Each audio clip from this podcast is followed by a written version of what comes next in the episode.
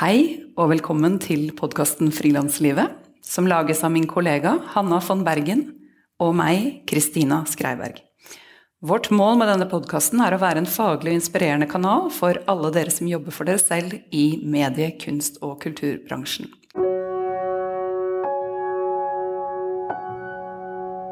Ukens annonsør er regnskapsprogrammet Fiken.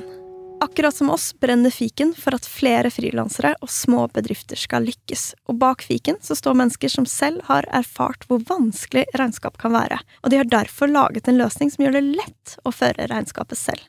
Så lett at både Kristina og jeg har brukt det i flere år, og helhjertet anbefaler det til andre frilansere.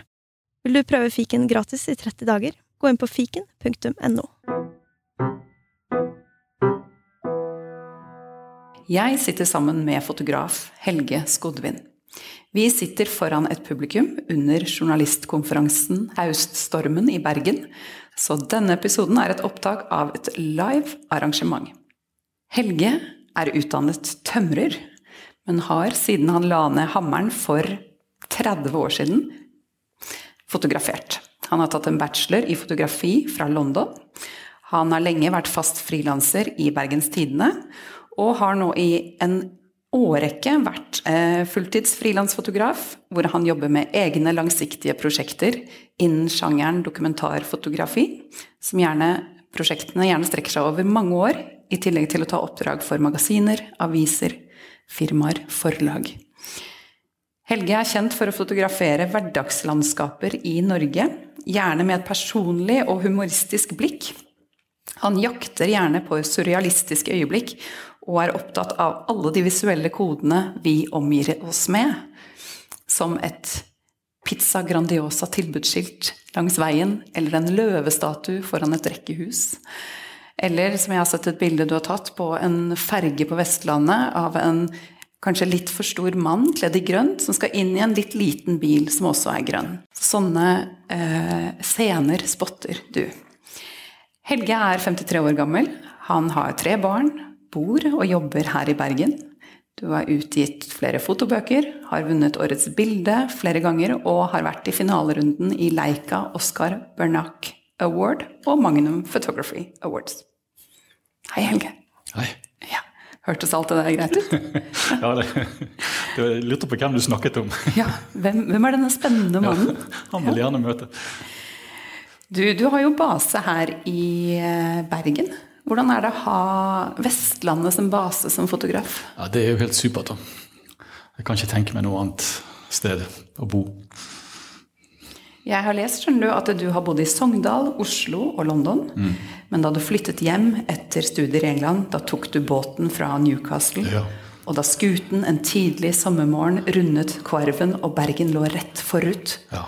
og Sissel Kyrkjebø, sin Å Vestland, Vestland ble spilt over skipets høyttaler, så skjedde det noe med deg. Ja, jeg, jeg merker jeg blir rørt når du prater om det. Og da kjente du at 'jeg skal bo her'? Ja, nå er jeg hjemme.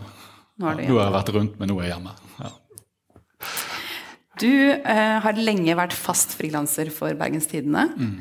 Eh, og nå er du en veldig løsrevet eh, frilanser, ja. som jobber mye med egne prosjekter og Ja. mange andre oppdrag. Mm. oppdrag. Eh, hvordan, eller hvorfor valgte du denne løsrivelsen? Uh, nei, det, jeg tror det var bare det at det kom til et punkt der jeg eh, måtte bestemme meg. Jeg hadde ikke lyst til å bli fast ansatt noe sted. Da. Jeg, har liksom, jeg kunne nok sikkert blitt det, men jeg hadde ikke lyst til å holde på med det. Da. Jeg tenkte det var et eller annet jeg ville et eller annet jeg hadde lyst til å hadde- Svulstig å si, men jeg hadde kanskje noen ambisjoner. Da. Og det kunne jeg ikke Da måtte jeg være frilanser. Og hvordan var starten av ditt frilansliv? Jeg har, jo, jeg har jo alltid vært frilans. Jeg har liksom ikke tenkt at det er noe alternativ. Da? Så det har liksom bare ballet på seg og blitt mer og mer. Og... Så den, det tingene syns jeg har gått greit. Jeg har liksom aldri vært i en posisjon der jeg liksom har måttet gått rundt og vise meg frem. eller sånne ting. Det er liksom, jeg er ganske heldig, for jeg har sittet i ro, og telefonen har kommet. Så det er liksom veldig privilegert sånn. Da, sant? Hvordan har du oppnådd det? Nei, jeg vet ikke. Det, Jeg, jeg håper jo og tror at jeg, liksom, jeg har gjort en jobb og gjort det bra, og så har de ringt igjen, og så har de gjort en jobb for noen andre, og så har jeg gjort det greit, og så har de ringt igjen. Så jeg, liksom, så jeg har aldri liksom gått rundt liksom, og vist meg frem, på en måte. Det, Men kanskje bildene snakker litt for seg selv? Ja, det kan eller? godt være. Og så det, liksom, det handler jo selvfølgelig mye om kontakter. Sant? At etter hvert liksom, de du de du var med i begynnelsen av din karriere, de etter hvert har liksom fått mer eh, ledende stillinger, og så har de ringt deg, og så, og så har de liksom holdt det gående. da. Men eh, altså, det kan jo, kan jo, godt være at folk er happy, da, at de ringer igjen. Og, så det, sånn, ja. Jeg vil gjerne snakke en del om å jobbe med egne prosjekter. Ja. fordi det har du gjort veldig mye av. Mm. Og det er jo noe mange har lyst til å gjøre. Eh, men før det så vil jeg høre litt om hvordan du ser på ditt frilansliv. Ja. For du fortalte meg at din eh, frilanstilværelse består av fire karakterer. Ja.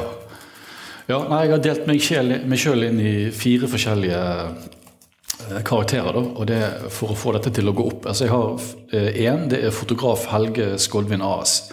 Han gjør liksom alle de streite jobbene. Det er han som uh, tjener penger han liksom, uh, Hvis det er et firma som ber meg om å fotografere uh, supply-båter, så gjør jeg det. Sant? Og leverer i tide og holder deadline, og alt ser bra ut. Og så har jeg en karakter som er Helge Skodvin. Han, liksom, han, gjør prosjekter, og han er mer sånn slow fotofyr. Han skriver søknader og får stipend og lager bøker og de tingene der. Da. En veldig sånn grundig fyr. da. Og så er det en som er Dirty Helge, og han, da, han gjør òg liksom eh, prosjekter. Men han er litt mer sånn fremme i skoene, da. Litt mer sånn uh, frekk, kanskje. Alltid blits på kamera og litt sånn pågående. Ikke plagsom, men veldig sånn pågående og, og frempå. Og så har jeg en eh, karakter som er eh, Santa Skodvin, som er liksom juleversjonen av Dirty Helge. da. Han jobber bare fra ca. midten av november til julaften. da. Han skal snart gå på jobb? Ja, han er nå i full opptrening. Um, er det noe konflikt mellom disse fire karakterene? Nei, de er egentlig ganske gode venner. da. Uh, de er veldig sånn, for det liksom, Hvis jeg får en jobb, så må jeg bestemme for hva eller, ja, Det er en fotograf Helge Skolvin AS-jobb. Så da gjør jeg det, og det går greit der. Også. Noen ganger så er det liksom Noen vil kanskje ha en litt sånn dirty Helge-jobb. da. Så da er det han som er på jobb. Sant? Men de to andre de er liksom mer da prosjektting. da, sant? Jeg tenker jo at du er inne på noe som er ganske typisk for det å være frilanser. Eh, som er det å gjerne ha mange forskjellige hatter. Og gjøre ganske mange forskjellige oppdrag, og at det kan være smart å ha flere bein å stå på. Mm. Eller hva? Ja, enig. jo, veldig, veldig, enig. Men altså, det er jo liksom eh, Da må jo du liksom få det Det er jo mange som kanskje kun har den fotograf Helge Skodvin AS-biten. At frilansere handler om å få hverdagen til å gå opp og, og, og tjene penger og, og, få lønn og få brød på bordet og sånn. Så så det er liksom så det er jo kanskje en luksussituasjon da, å ha mulighet til å ha disse fire karakterene. Da? Men jeg skjønner jo godt det at liksom, hvis du jobber frilans, det, det kan være vanskelig liksom å hva skal du, Hvordan skal du jobbe, og hva skal du vise nå? og sånt. Hvem del av deg skal du kjøre frem? og sånt. Men hvorfor har det vært viktig for deg å eh, se på det som fire forskjellige det er fordi jeg ser at de er veldig sånn forskjellige. Da, for jeg kan liksom ikke komme med en uh, viss uh, Hva skal vi si Hvis uh, Framo pumper ber meg å fotografere pumpesystem, liksom, så kan jeg ikke komme med en sånn dirty helge-tilnærming og, og, ta liksom blits og være litt sånn frekkas. Sant? Så det er liksom, da vil jo ikke de ringe igjen.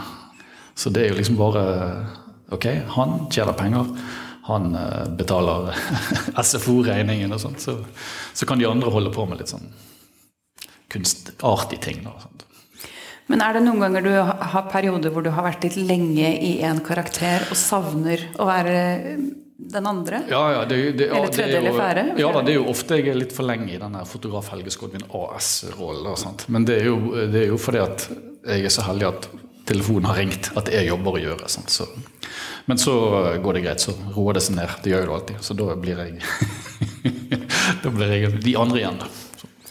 Og når du er for lenge i fotograf Helge Skodvin AS, som tar oppdrag og er Mm. ryddig og har deadline og sånn, mm. du kjenner at du kan kjenne på et savn etter å få lov til å jobbe med Ja, ja, prosjektene ja, dine? ja, ja da. Det, det kjenner jeg hele tiden.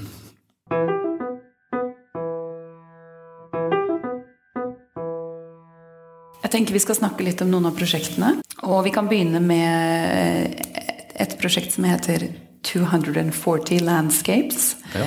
Som jeg har Eller forstått er et jeg vil heller si det på måten 240 landscapes. 240 Landscapes. Ja. Vol vi snakker Volvo. Ja. Og du har fotografert mange hundre forskjellige landskap rundt i landet. Ja, ja. Der alle bildene har eh, til felles at bilmodellen Volvo 240 ja jeg, jeg vet ingenting om bil. er et sentralt element i Ja, ja. bildet. Fortell, altså hvordan, hvordan oppsto dette prosjektet? Nei, det oppsto uh, Det var liksom uh, Nå er det vel kanskje i uh, Kanskje en 12-13-14 år siden. Eh, så var jeg på et eh, foredrag i Oslo med en svensk fotograf som heter Christ, eh, Anders Petersson. Som er veldig kjent for å, fotografere liksom, ekstreme miljøer. Liksom, narkomane, prostituerte og skabbete hunder rundt i Paris og Tokyo og, New York og sånn. Og han var liksom veldig sånn Å, du fotograferer den du er, og deg selv, og sånt. Og da var jeg litt sånn, når jeg satt der, så var det sånn her Faen nå, sant. For det, jeg har aldri vært med prostituerte. Jeg har aldri tatt narkotika. Jeg har eh, en liten datter. Jeg kjører en stasjonsvogn. Jeg bor i Norge. Jeg lever et utrolig kjedelig visuelt liv. Og så tenkte jeg liksom sånn Ok, da får jeg bare ta tak i det kjedelige livet mitt og prøve å fotografere det på en måte. Og da, og da, var det liksom, da tenkte jeg det at Volvo 240 Det er jo mange som tenker at det er det kjedeligste som fins der. sant? Og, det, og så er det det at alle de tingene du kan si om en eh, Volvo 240, det kan du også overføre til eh, folk fra Skandinavia og Norge. Sant? Altså de er firkantet og treig, og de er langsomt, og de er liksom eh, Det er ikke noen overraskelser der, sant? men de er gode på vinteren, og de er veldig til å stole på. alt sånt sant? Hvis du vil ha overraskelser i livet ditt, så må du kjøpe deg en Fiat. Sant? Men en 240 det er liksom sånn at den starter hver morgen og den går hele vinteren. og er greit. Så alt det kan du overføre om bil, folk fra Norge. Så da begynte jeg å fotografere liksom landskap der det istedenfor folk med, var hele tiden en Volvo 240. da. Så det liksom er en slags dokumentasjon. Jeg kaller det en dokumentasjon av et hverdagslandskap der alle bildene har med en bil, parkert bil. Men har du kjørt rundt på måfå, eller har du oppsøkt mennesker du vet har bilen? Ja, altså det, det er både òg, da. For når jeg begynte med dette, da, så eh, spurte jeg politiet om de kunne gi meg en oversikt over alle 240-eiere da, i Norge. Men det kunne de ikke. Så sa de det at det må du finne ut av sjøl. Så da, da begynte det sånn at jeg eh, eh, jeg, lagde, jeg begynte å lage meg et arkiv. Jeg var innom finn.no, og den gangen var det et nettsted som het eh, Autobørsen. Og forskjellige sånne bilselgerselskap. da. Så jeg var innom der hver dag. Og, så, og Volvo 240 er en gammel bil, sant? så det, det er mye, han er veldig mye solgt på, på eh, rundt omkring. Så da printet jeg ut alle 240-annonser hele tiden. Og der står jo det liksom hvor de er til salgs. Og så står jo det ofte bilder med bilnummer og alt sånt som det. Og siden dette er en relativt billig bil å kjøpe, så blir han liksom Hvis du har, selger en bil i Steinkjer, så blir han ikke solgt i Oslo. Da blir han solgt liksom i Verdal eller et eller annet sånt som det. Så da gikk jeg inn, og så når jeg skulle da til eh, de delene av landet, så hadde jeg f.eks. et eh, kartotek over alle 240-ene som har vært til salgs i Trøndelag de siste årene. da. Så hadde jeg det klart der. Så det var liksom én måte å gjøre det på. Ellers var det det å eh, bare kjøre rundt med termos og kikkert og leite de frem. Eller du kunne f.eks. Og så begynte jo ryktene å gå. sant? At Hvis jeg spurte noen, så, så gikk ryktene at det er denne rare fyren fra Bergen, han er på jakt etter Volvo 240. Så kom det meldinger og sånt. Eller du kan kjøre rundt på store parkeringsplasser. Utenfor Ikea så finner du biler, noterer bilnummer. Så har du en sånn app, Statens vegvesen, så finner du ut hvor folk bor. Og så kan du gå på Google Earth og se hvor de bor. Og folk er jo ekstremt vanemennesker, så de parkerer bilen på samme sted hver dag. Og da kan du se liksom, er dette et bra sted å ta bilde. Ja, hvis det er det, sant, så, så kjørte jeg hjem til de, og så sa jeg det at Hei, mitt navn er Helge. Jeg vet du har en 240 her. Kan jeg få lov å ta bilde av den, f.eks.? Ja, det fikk jeg jo alltid, for 240-eiere er jo ekstremt hyggelige folk. Så ellers så uh, kunne du En måte å finne det på var når du Det var kanskje den kjekkeste. Det er når du kjører langs veien, og så kommer det en 240 imot deg. Og da er det å ta U-sving og følge etter de hjem. For det er sånn Transportforskning viser jo det at eh, de aller fleste kjøreturer er ikke så lange. De aller fleste kjøreturer er mindre enn tre kilometer. Så folk skal som regel bare fra butikken og hjem. eller et eller annet sånt. Så da er det bare å følge etter de også inn på tunet og si hei. Men også må man ta den siste år, da, for det var en, ekstrem, det var en, en sånn ekstrem uke. For det var den gangen det var sånn eh, Hurtigruten minutt for minutt. Da. Og da satt jeg mer eller mindre hele tiden og så den sendingen, for da var jo de innom veldig mange sånne kroker av Norge. Da. Og da satt jeg med penn og papir og så så jeg det at ja, der er de innom eh, Fjuksebotn. Og så ser jeg, der, Det er jo en Volvo på kaien. Sant? Og da visste jeg det at da er det en Volvo i nærheten. Hvis jeg skulle til Fjuksebotn, så kunne jeg liksom leite frem den bilen.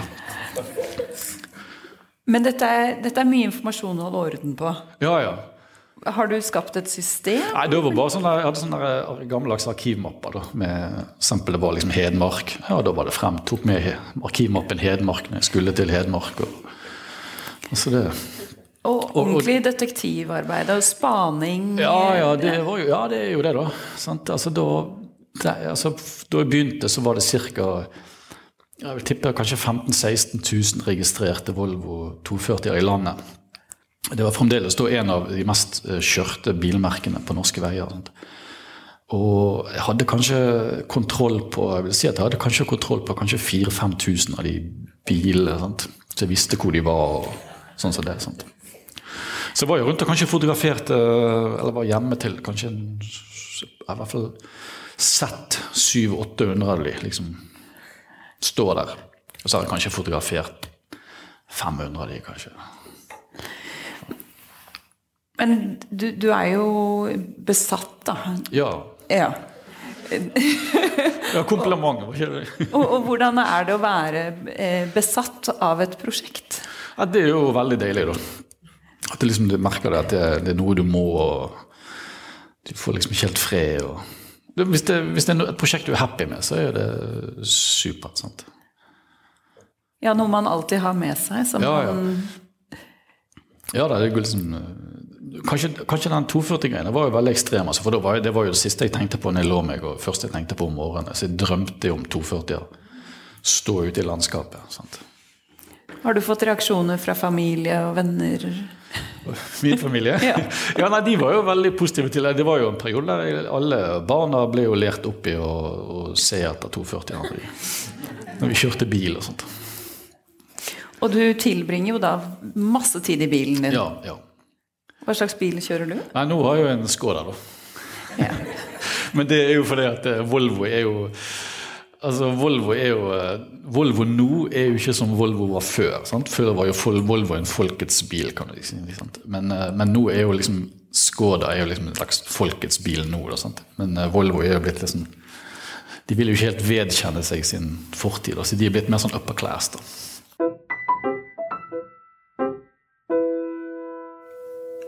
Vi hopper videre ja. til A Movable Beast, ja. som er et annet prosjekt. Yes. Eh, hvor du Altså, denne serien har fått mye oppmerksomhet. Ja. Og jeg har også skjønt at den har, vært, at den har, den har åpnet mange dører for deg. Ja, ja, det har den. Fortell kort hva prosjektet dreier seg om. Nei, det, det, dreier seg om det at uh, helt tilfeldig så var jeg Jeg ble oppringt av uh, Statsbygg om jeg kunne gjøre en jobb, om jeg kunne dra på Naturhistorisk museum i Bergen og fotografere bygget. Og så det, så det er helt fint, det. Så jeg gikk opp der, og så snakket jeg med noen folk der, og så sa de det at ja, vi skal jo stenge museet. Og det skal være stengt i fem-seks år. Og da var det sånn What? Det har jo ikke jeg fått med meg. Altså, jeg, jeg bor jo 200 meter fra museet og følger ganske godt med. Men dette hadde jeg bare ikke fått med meg. Jeg tror ikke så mange hadde fått det med seg heller. For de skulle totalrenovere museet, og de skulle stenge det. Og da så jo jeg umiddelbart for meg at ok, dette er jo en uh, unik mulighet, dette er noe jeg må være med på. Og så sa jeg omtrent at ok, jeg går ikke herfra før jeg har fått, fått lov til å være med på dette prosjektet her. Jeg vil bli sånn uh, Hva heter det? enrolled i, med dette flytteprosessen. Og det var litt sånn frem og tilbake. Det var liksom møter og sånn som det. Men til slutt så fikk jeg lov til det, men jeg måtte skrive en sånn taushetserklæring på at jeg ikke røpet hvor, hvor disse dyrene skulle. Hva som skjedde. Så da begynte jeg å fotografere på Naturhistorisk museum. Eller jeg begynte ikke å fotografere, jeg begynte å være med. For jeg, jeg var liksom sånn her ser vi et bilde, de som er i salen ser et bilde nå. Og da er det sånn at jeg, jeg prøvde hele tiden å, hvordan skal jeg fotografere dette her. Og jeg fikk det ikke til. Men så plutselig så havnet jeg over en sånn scene her med en, en, liksom en antilope som stikker hodet opp av en sånn pallekasse. Og når jeg så det, så bare tenkte jeg sånn Yes, sånn er det. Det er Larssons eh, gale verden. Det er liksom den tilnærmingen, litt sånn absurde tilnærmingen til det. Ikke ha med folk som flytter. Ikke ha med konservatorer i gule jakker. og sånn som det. Kun dyr. Liksom skilt ut, men liksom portrett av dyr i den situasjonen. Og da, når jeg hadde funnet, hadde liksom knekt den koden der, da, så var det egentlig bare å gjøre skipets arbeid og, og møte opp. Ja, jeg har kanskje vært på Naturhistorisk museum hundrede ganger og fotografert. Over flere år? Ja, det var over en intens eh, periode på ett og et halvt år, kanskje. Men her har jo du fått eh, et oppdrag som har utviklet seg til å bli et stort prosjekt ja, prosjekt for din del. Ja. Eh, var dette det oppdragsgiver ønsket seg? Nei, nei det, altså det oppdraget det tok jeg bilder av og ble ferdig med det. liksom. Sant? Det var bare dokumentasjon av hvordan museet liksom så ut før de hadde begynt. Og det gjorde jeg jo ferdig på en dag. Sant? Hvordan, hvordan museet så ut. Fotografere noen rom og sånn. Så det, så det var leverte og sendt av gårde og ferdig med det. Og så var det noe helt nytt igjen. Jeg hadde jo ikke, hadde jo ikke lønn for dette her. Sant? Men oppdraget ga deg innpass til ja. denne verden? Ja, det var det som var viktig. Å, å liksom å, for det, jeg tenkte jo det at Med en gang dette blir kjent at dette skal skje, så kommer det til å være haugevis av folk som er interessert i det samme som meg. Så her må jeg bare liksom Jeg må bare rett og slett få tisse litt i krokene rundt omkring. Sånn at dette er mitt. Og det var veldig viktig å få liksom bli tidlig ute og liksom få markert at dette er mitt prosjekt. Dere andre kan få lov å komme, men dette er mitt. på hvilken måte har det vært en døråpner? Nei, Det har jo vært en døråpner på det at uh, det har jo vært uh, usedvanlig mye publisert rundt i verden. Sant? Altså i magasiner og ja, fremdeles dukker det opp på liksom forskjellige altså bokcovere og magasincovere. og forskjellig rundt omkring. Sant? Og det, det, må jo si at, liksom, at det er jo det som jeg er veldig kjekt. Og det er liksom det at når jeg begynte med, når jeg gikk på folkehøyskole med fotografering, sånn, så var liksom det å fotografere for National Geographic det var liksom drømmen. Sant? Det å kunne reise til Bali og være der i syv måneder med tropehjelm og sånn som det. Sant? Og komme hjem og liksom få store essay på trykk. Sant? Men så tenker jeg det at når 20 år seinere, når muligheten først bød seg at bilder ble på trykk hos National Geographic, så var de tatt 200 meter fra der jeg bor. Og det var liksom sånn Yes.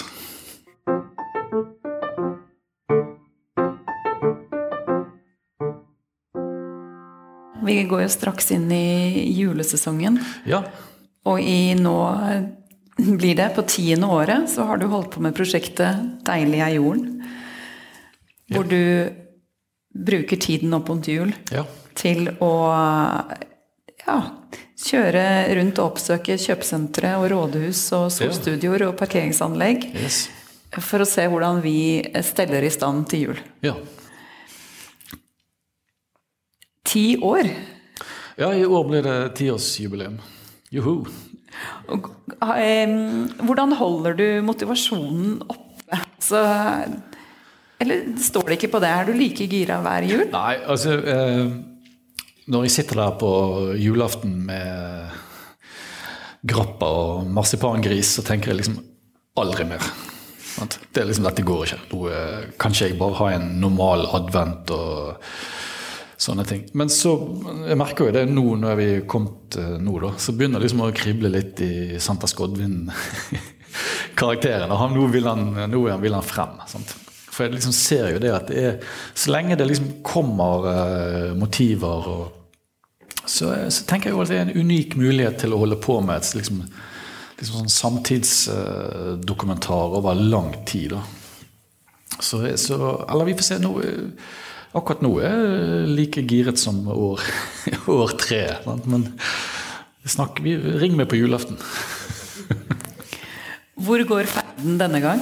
Nei, altså det har ikke jeg helt tenkt på. Eller, jo, jeg har egentlig tenkt på det, for jeg har gjort, allerede gjort en del avtaler eh, om å få tilgang til eh, eh, departementer i Oslo. Sant? Jeg skal til forskjellige altså Olje- og energidepartement og storting og, og sånn, sånn for å se hvordan, eh, hvordan folket der feirer jul. og sånt.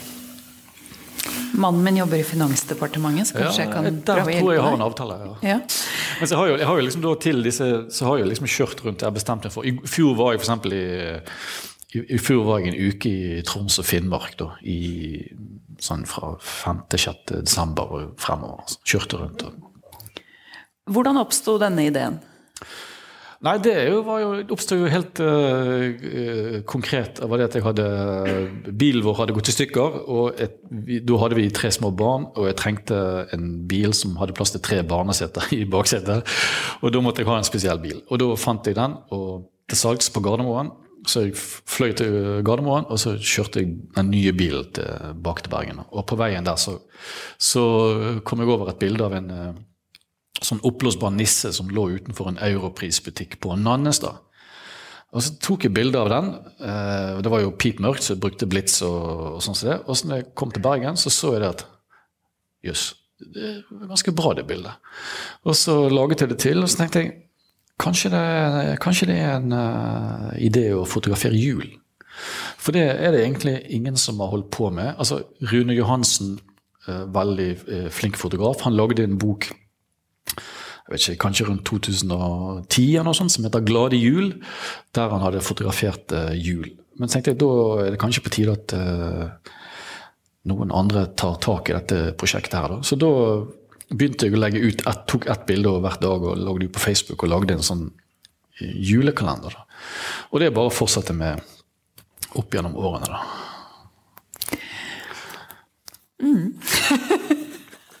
Fantastisk.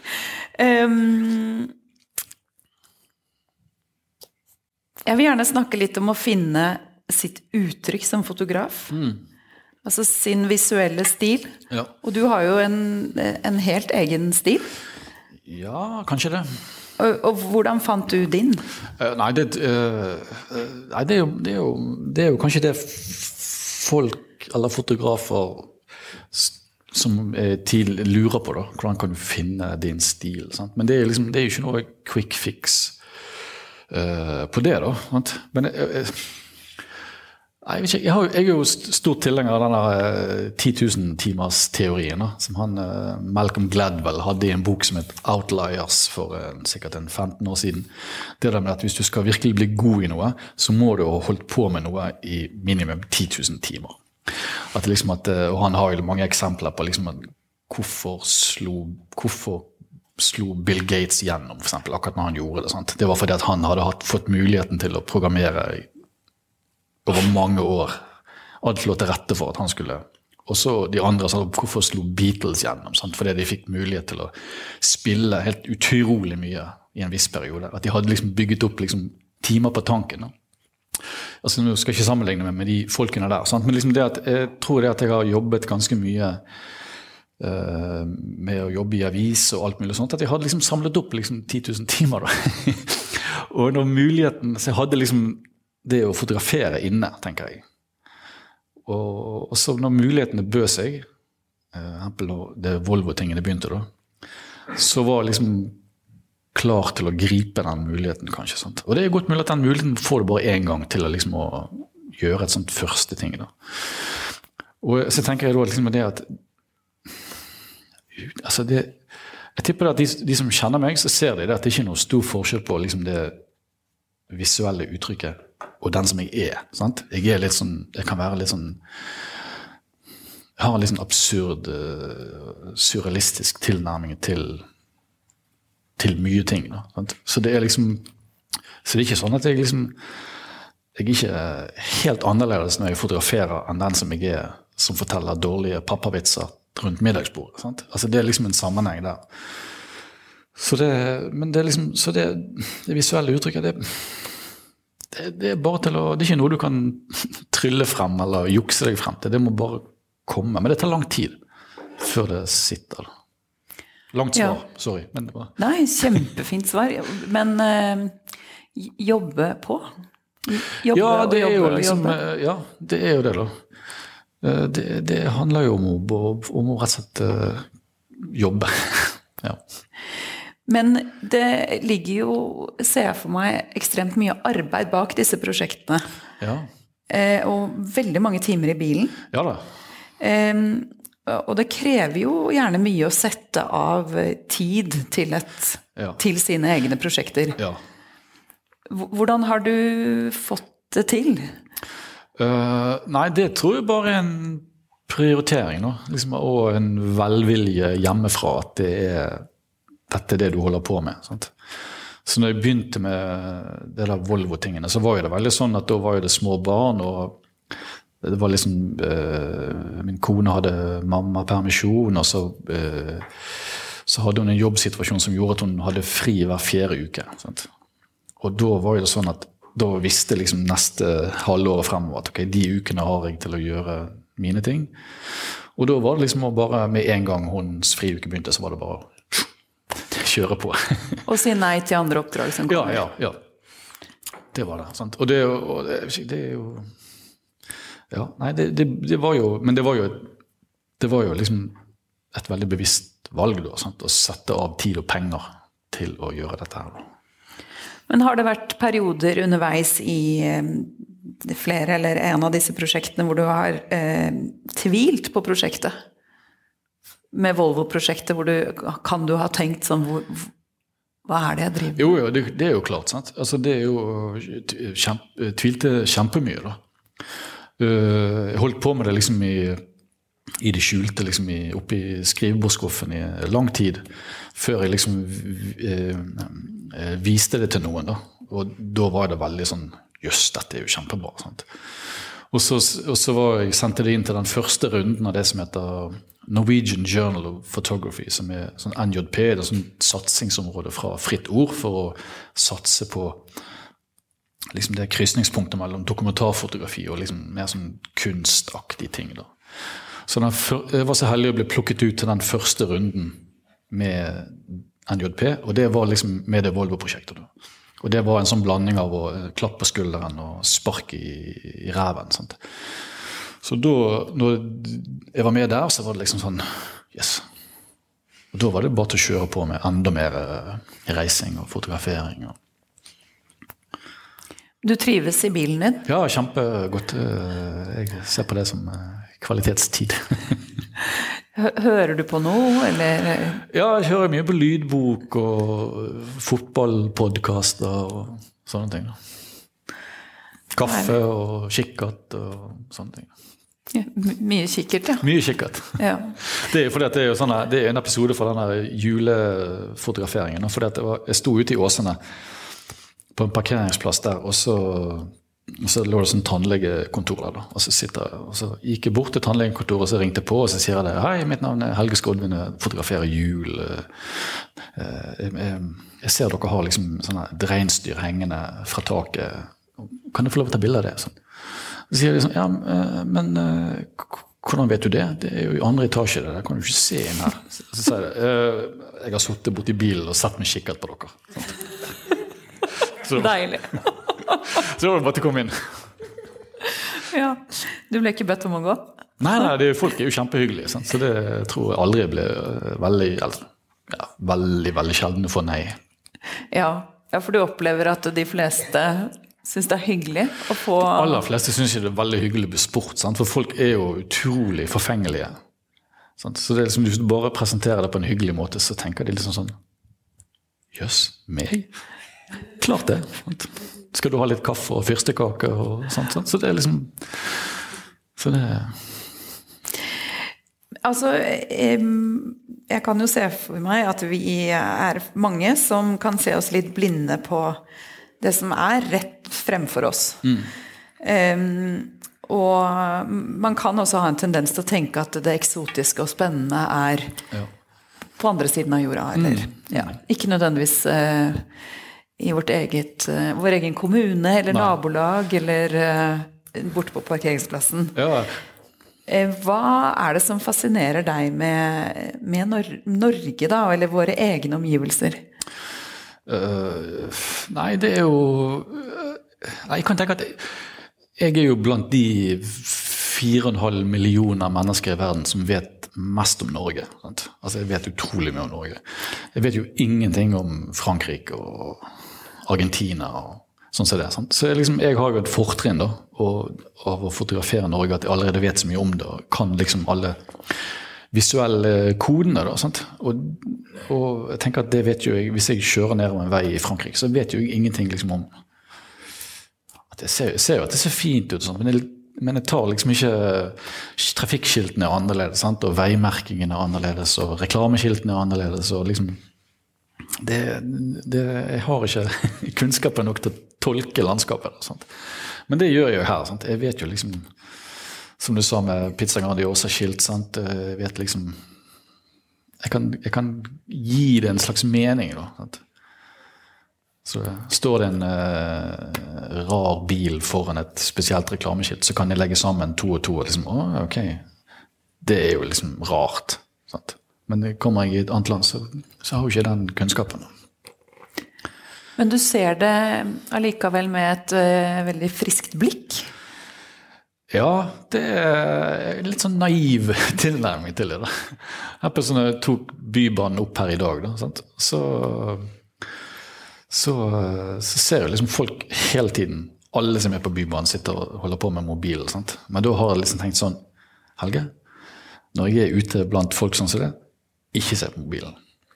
Heller se på folk som er rundt deg, og se ut. og Der sitter det en med baby sant? og tenker å ja, jeg husker når jeg hadde baby. Og så, tenker jeg, sånn, ok. så ser du folk der, hva er det de holder på med, og hvordan ser de ut uten klær, og alt mulig sånt. sant? Så det er liksom bare liksom det å trene opp fantasien og, og evnen til å uh, se. Evnen til å observere, syns jeg. sant? Og det er liksom det er jo liksom en treningsmuskel, da. Det med å observere Hvis ikke du gjør det, så Jeg, jeg får jo liksom Jeg jeg syns sjøl jeg får med meg ganske mye, da. Så, og eksempel hvis jeg ja, så tenk, Hvis jeg har barn og de er i en bursdag på Os, som er en halvtimes kjøretur fra Bergen, og de skal hente, så er det liksom sånn Yes, da kan jeg kjøre til Os. Jeg tar turen. Da, ja, for da har jeg muligheten til å se ting som skjer da. Sant? Ja, den evnen, eller eh, det å observere når man jobber som journalist og fotograf, er eh, kanskje vårt eh, viktigste. Ja, være det å være nysgjerrig, da. Ja. For det er sånn som nå, nå er jo et sånt prosjekt eh, Det kommer en bok eh, på nyåret som heter eh, 'Observasjoner av ny norsk fauna i årene 2014-2022'. Og da er det sånn at jeg, jeg, jeg, jeg lager et sånt lavterskel zoologisk eh, tilbud. Der jeg drar rundt og tar bilder av dyr. Og da, Ingen av de er ekte, da. Sant? Men det er liksom eh, de dyrene må liksom finnes. Og det, du kan ikke bare søke og og google det frem til eh, hvor finner du list, rare dyr som ikke er ekte i Norge. At du må liksom dra rundt og sitte deg i bil og kjøre rundt og lete de frem. Da. Og da må du kjøre liksom inn utrolig mange veier som det ikke finnes noe som helst i. Sant? Altså Det er liksom ikke noe bilde å ta. Da. Men det er liksom, når du har kjørt liksom inn vei nummer 137, så plutselig står det en oppblåsbar dinosaur der. Sant? Og da er, tenker du lykke. Sant? Og da er, det liksom, da er det liksom verdt alle de 137 bomturene. Men det, da er det surt igjen å tenke på at da er det sikkert 200 veier til neste gang vi finner noe spennende. Sant? Men å nyte, eller like prosessen, blir jo kanskje viktig, da? Ja da, du, må jo, du kan ikke sitte og, og grue deg til dette. Det til alle kjøreturene? Nei, det er, jo, det er, jo, et overskudds... Det er et lyst Øh, overskuddsprosjekt. Mm.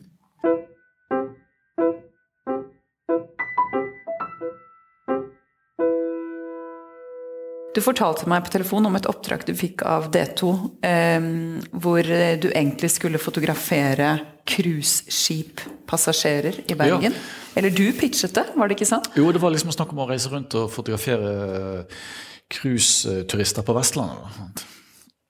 Og det Funka ikke helt for deg? Nei, det, jeg prøvde på det. det men det er liksom det, jeg, jeg, ut, jeg, fikk ikke det til, for jeg fant ut at det er veldig vanskelig liksom å fotografere noe du egentlig forakter. Så det, så det liksom blir sånn der, eh, Fotografi har en liksom, det, det, er enkelt å være liksom ironiserende med fotografi. Da, så da, jeg tenkte at det, det, det, går ikke. Så da sa jeg at jeg ikke fikk det til. Da.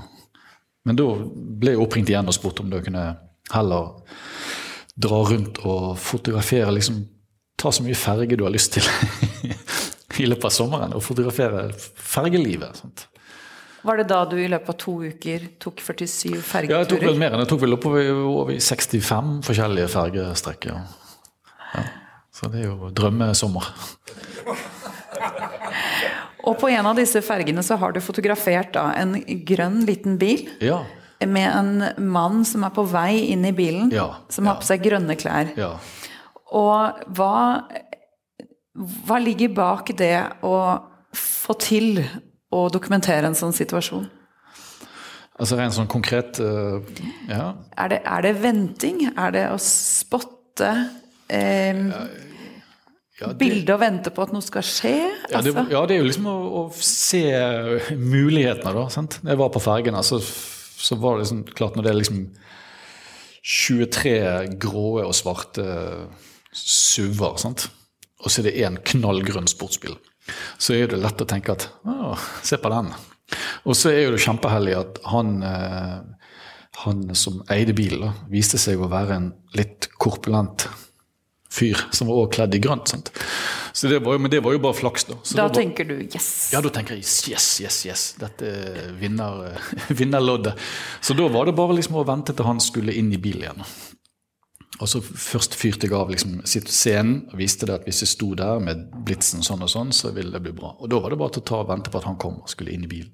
For jeg så for meg at det kunne bli litt sånn Stor mann inn i liten bil, at det kunne bli litt eh, morsomt. da. Det ble det. Ja, det ble det. ja.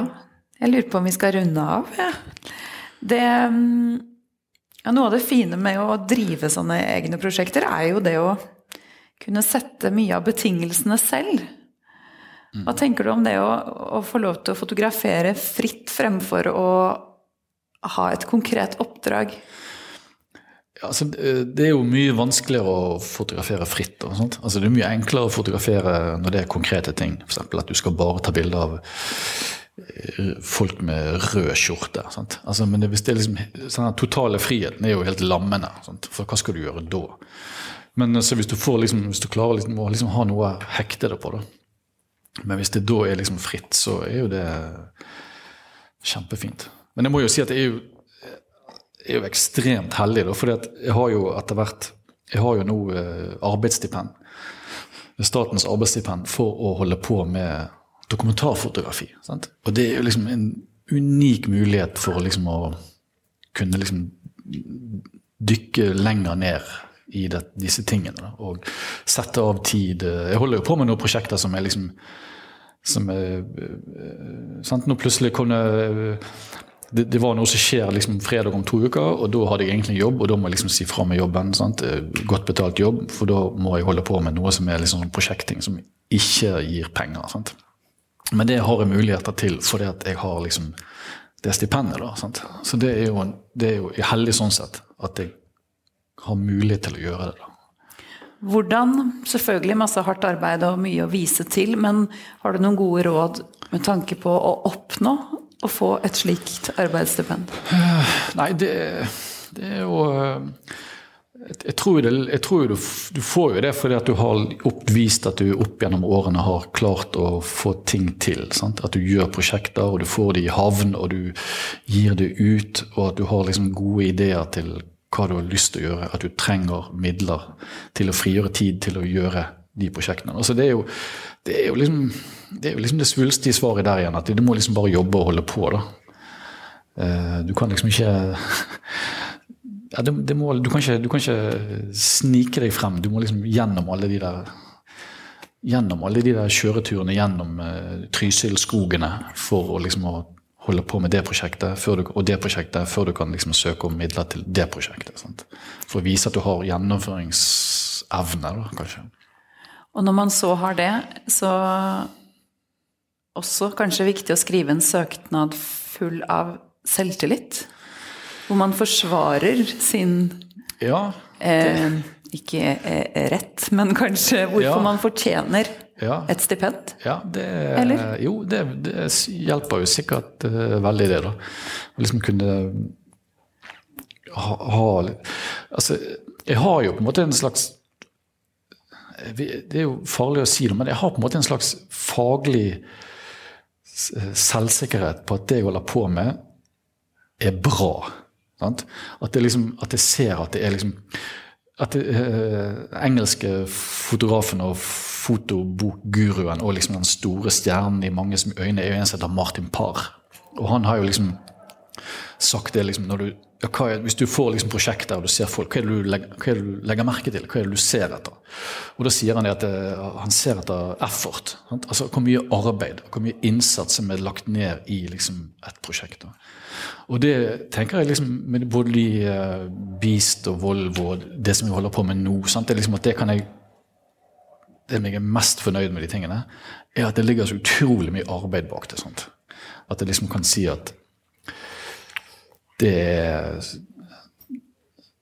det er mye, mye arbeid som er lagt bak, og jeg kan søke liksom på nye ting med en visshet om at det er gjort så godt jeg kunne, og at uh, de neste prosjektene skal jeg gjøre likedan. Liksom. Og, og, det hjelper liksom, kanskje i en søknad. Da, at du har den der At du har det på plass, og ja. du vet deg gjennomarbeidet. At ja, du har sittet bare, mange bare, timer i bilen. Ja, at, det liksom, at jeg har liksom gjort, gjort skipets arbeid på alle de tingene der. Sant? Tusen, tusen takk, Helge. Jo, bare hyggelig.